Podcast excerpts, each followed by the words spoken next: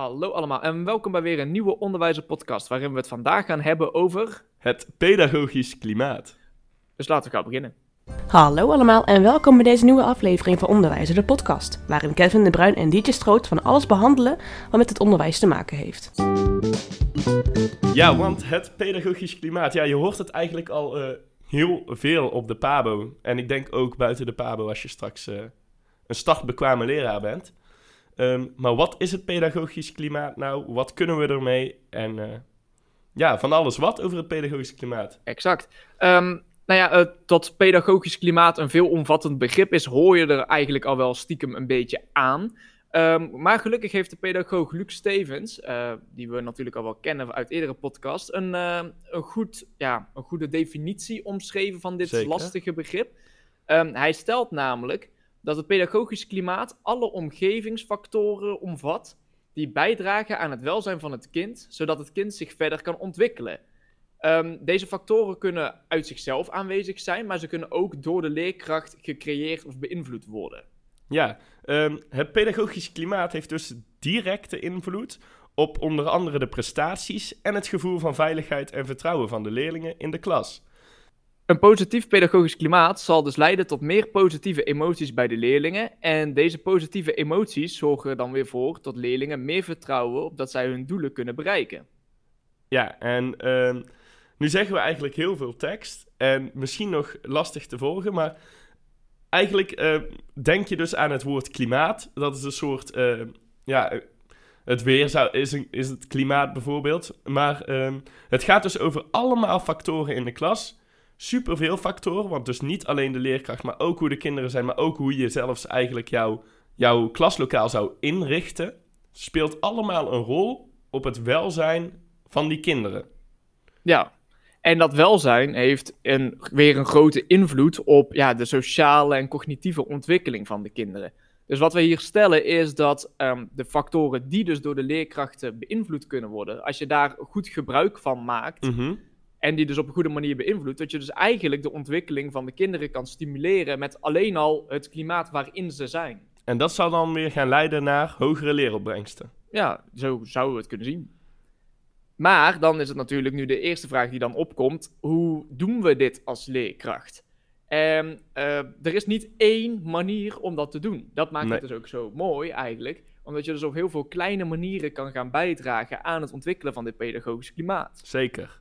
En dat, um, wat jij net zegt, van er is dus niet één manier. Er zijn heel veel manieren, maar die heel veel manieren zijn ook nog uh, te onderscheiden in verschillende mogelijkheden. En hoe onderhoud je het? Dat is ook nog een ding. Want je kan wel uh, bijvoorbeeld onze aflevering over de Gouden Weken, uh, neem ik even als voorbeeld. Je kan de eerste weken de Gouden Weken implementeren, veel spellen doen die helpen aan het groepsklimaat. Dus die helpen aan hoe de leerlingen met elkaar sociaal omgaan, maar ook cognitief omgaan.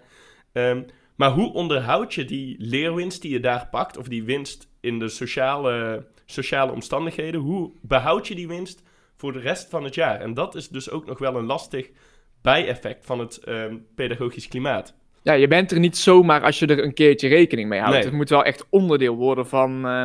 Van wie jij bent als leerkracht eigenlijk. Ja, precies. Een aantal van die dingen die we kunnen doen, die refereren ook terug naar andere onderwerpen die wij hier al eerder op de podcast hebben behandeld. Zo is het bijdragen aan de pedagogische basisbehoeften, zoals je bijvoorbeeld hoorde in onze aflevering over de pedagogische basisbehoeften, of die van de zelfdeterminatietheorie, draagt het bij aan meer motivatie. Als je meer motivatie hebt als leerling zijnde, dan uh, ja, ga je dus uiteindelijk ook weer hè, daarna presteren. Je gaat meer je best doen, je voelt meer ja, je Ja. voelt je prettiger als je aan het leren bent. We hebben het daar over de intrinsieke motivatie vooral. Ja, en eh, wat jij nu zegt eigenlijk is ook al, zoals ik jou hoor zeggen, te beluisteren in de aflevering over zelfdeterminatie. Jazeker, daar behandelen we dit onderwerp ook al. En ehm, wat dus nu voor dit stukje heel belangrijk is, is dat, dat dus die, dat fijnere gevoel wat je hebt, omdat je meer motivatie hebt, draagt dus ook bij aan, ehm, ja, aan het pedagogisch klimaat. Dat is dus ook weer positiever. Dus Mhm. in zulke soort kleine dingetjes kan het al zitten. Ja, en ehm, dat pedagogisch eh, basisbehoefte waar je het net over had, dat is de aflevering die wij eh, hebben gemaakt over eh, het ACR-model, het autonomie, relatie en competentiemodel. En daar hoorde ik jou net ook al kort over zeggen dat dat dus ook uiteindelijk bijdraagt, dus die autonomie, autonomie die we aan leerlingen geven, dat dat ook kan bijdragen aan het stimuleren van het goed pedagogisch klimaat. Jazeker, want we krijgen daaruit meer positieve emoties bij de leerlingen. En positieve emoties, eh, zoals we net al helemaal aan het begin van deze podcast hoorden, leiden weer tot, ja, tot je je prettiger voelt, tot je dus nieuwe uitdagingen aangaat en tot je dus weer meer kan leren. Een ander ding waar, wat ook uh, kan bijdragen aan het pedagogisch klimaat, um, is het mindset van de leerlingen en van jou als leerkracht zijnde. Nu hebben we daar toevallig ook al een hele mooie aflevering over. Um, daarin bespreken we de theorie van Dweck uit 2011. Uh, de mindset van een leerling heeft ook invloed op het welzijn van de leerling. Een fixed mindset, dus blijven denken uh, aan één ding, niet willen verbeteren. Uh, laat leerlingen geloven dat intelligentie een statisch gegeven is. Iets dat vaststaat. Je kan dit of je kan dit niet. Zij schrijven falen en succes toe aan eigen intelligentie en gaan uitdagingen zoveel mogelijk uit de weg. Hierdoor ervaren ze dus minder succes en blijven ze dus hangen in de minder positieve emoties. Terwijl een growth mindset leerlingen juist veel nieuwe uitdagingen uh, biedt en ook aan willen nemen als ze die growth mindset hebben en daardoor veel succeservaringen opdoen. Nou, meer van dit hoor je dus in de aflevering over mindset.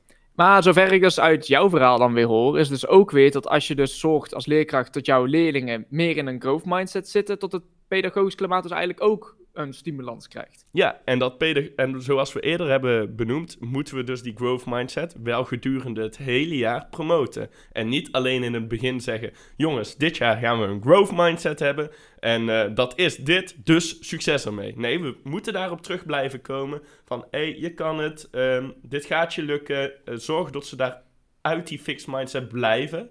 Anders kan je pedagogisch klimaat weer helemaal ineenvallen eigenlijk. Ja, en toen we deze podcast aan het voorbereiden waren, moesten we ook meteen weer terugdenken aan een eerdere aflevering van dit jaar over het Pygmalion-effect. Want ook hier kunnen we weer terugredeneren naar een positieve invloed op het pedagogisch klimaat. Zeker. Want als je hoge verwachtingen hebt van je leerlingen, dan uh, leidt dat ook tot hogere prestaties en meer succeservaring. Uh, dat is dus competentie, dus in dat ARC-model wat we net al hadden. Mm um, en als een leerling zich meer competent voelt, voelt hij zich dus ook weer prettiger.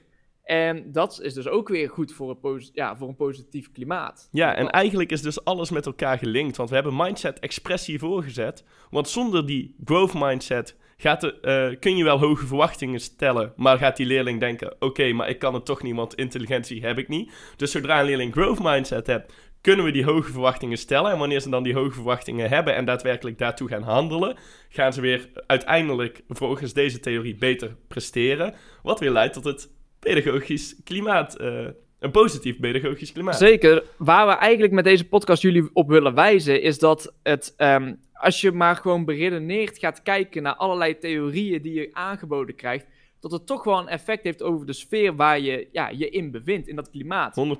100%. En dat behouden, dat is inderdaad wat jij zei, heel belangrijk. Nou, we noemden daarnet al dat je tijdens de vorming en storming, norming fase, dat je dan zorgt dat er een goede band ontstaat in jouw groep, mm -hmm. een goed klimaat ontstaat. Maar je moet dat tijdens de performing fase ook weten te onderhouden tot de termination fase. Zeker. En dan heb je dus nog die omstandigheden dat bijvoorbeeld forming is het begin van het jaar. Uiteindelijk gaan ze performing. Ze zijn op elkaar ingespeeld. Ze weten wat ze van elkaar kunnen hebben.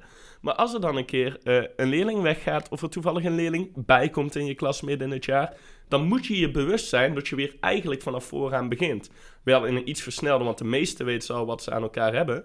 Maar ja, je begint opnieuw, dus je moet echt weer in gaan spelen op al die dingen zoals mindset, het Pygmalion-effect, um, het ACR-model.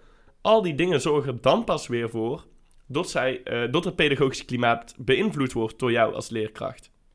Dus als je nog niet bewust van was hoe belangrijk het klimaat in jouw klas, of dat pedagogische basisklimaat dan eigenlijk is, dan hopen we dat we jullie er nu op hebben gewezen. Tot het dus op ja, en heel erg belangrijk is. Zeker. Omdat het dus leidt tot gewoon een betere ontwikkeling voor jouw kinderen. En een veilig en vertrouwd gevoel. En dat het eigenlijk dus met heel veel kleine zaken gewoon heel makkelijk te beïnvloeden is als leerkracht. Ja, en heel veel van deze zaken zijn ook al te beluisteren. De, dat is nog, natuurlijk nog extra mooi meegenomen. Dus zorg voor die bewustwording. Ja, um, en we kunnen ook dan uh, ja, eigenlijk concluderen dus dat het pedagogisch klimaat beïnvloed wordt door zowel leerkracht als leerling. Jazeker. Dat je er zowel aan het begin als gedurende het jaar aan moet uh, besteden. En dat het zowel uh, jouw werkervaring prettiger maakt voor jezelf, maar ook voor de leerlingen hun werkervaring prettiger maakt. Ja, dus eigenlijk is er alleen maar baat bij als je dit gewoon positief houdt en Ik zeg onderhoudt. doen. Ik zeg doen. Nou, en eh, met dat gezegd hebben, dan willen we jullie dus zeker wijzen op het beluisteren van die afleveringen die we eerder al gemaakt hebben, waardoor je de theorie nog beter gaat begrijpen. Verder willen we je natuurlijk ook uitdagen om hier zelf met jouw groep mee aan de slag te gaan. Zeker. En eh, dan rest er ons eigenlijk niks meer dan te zeggen. Houdoe. Houdoe.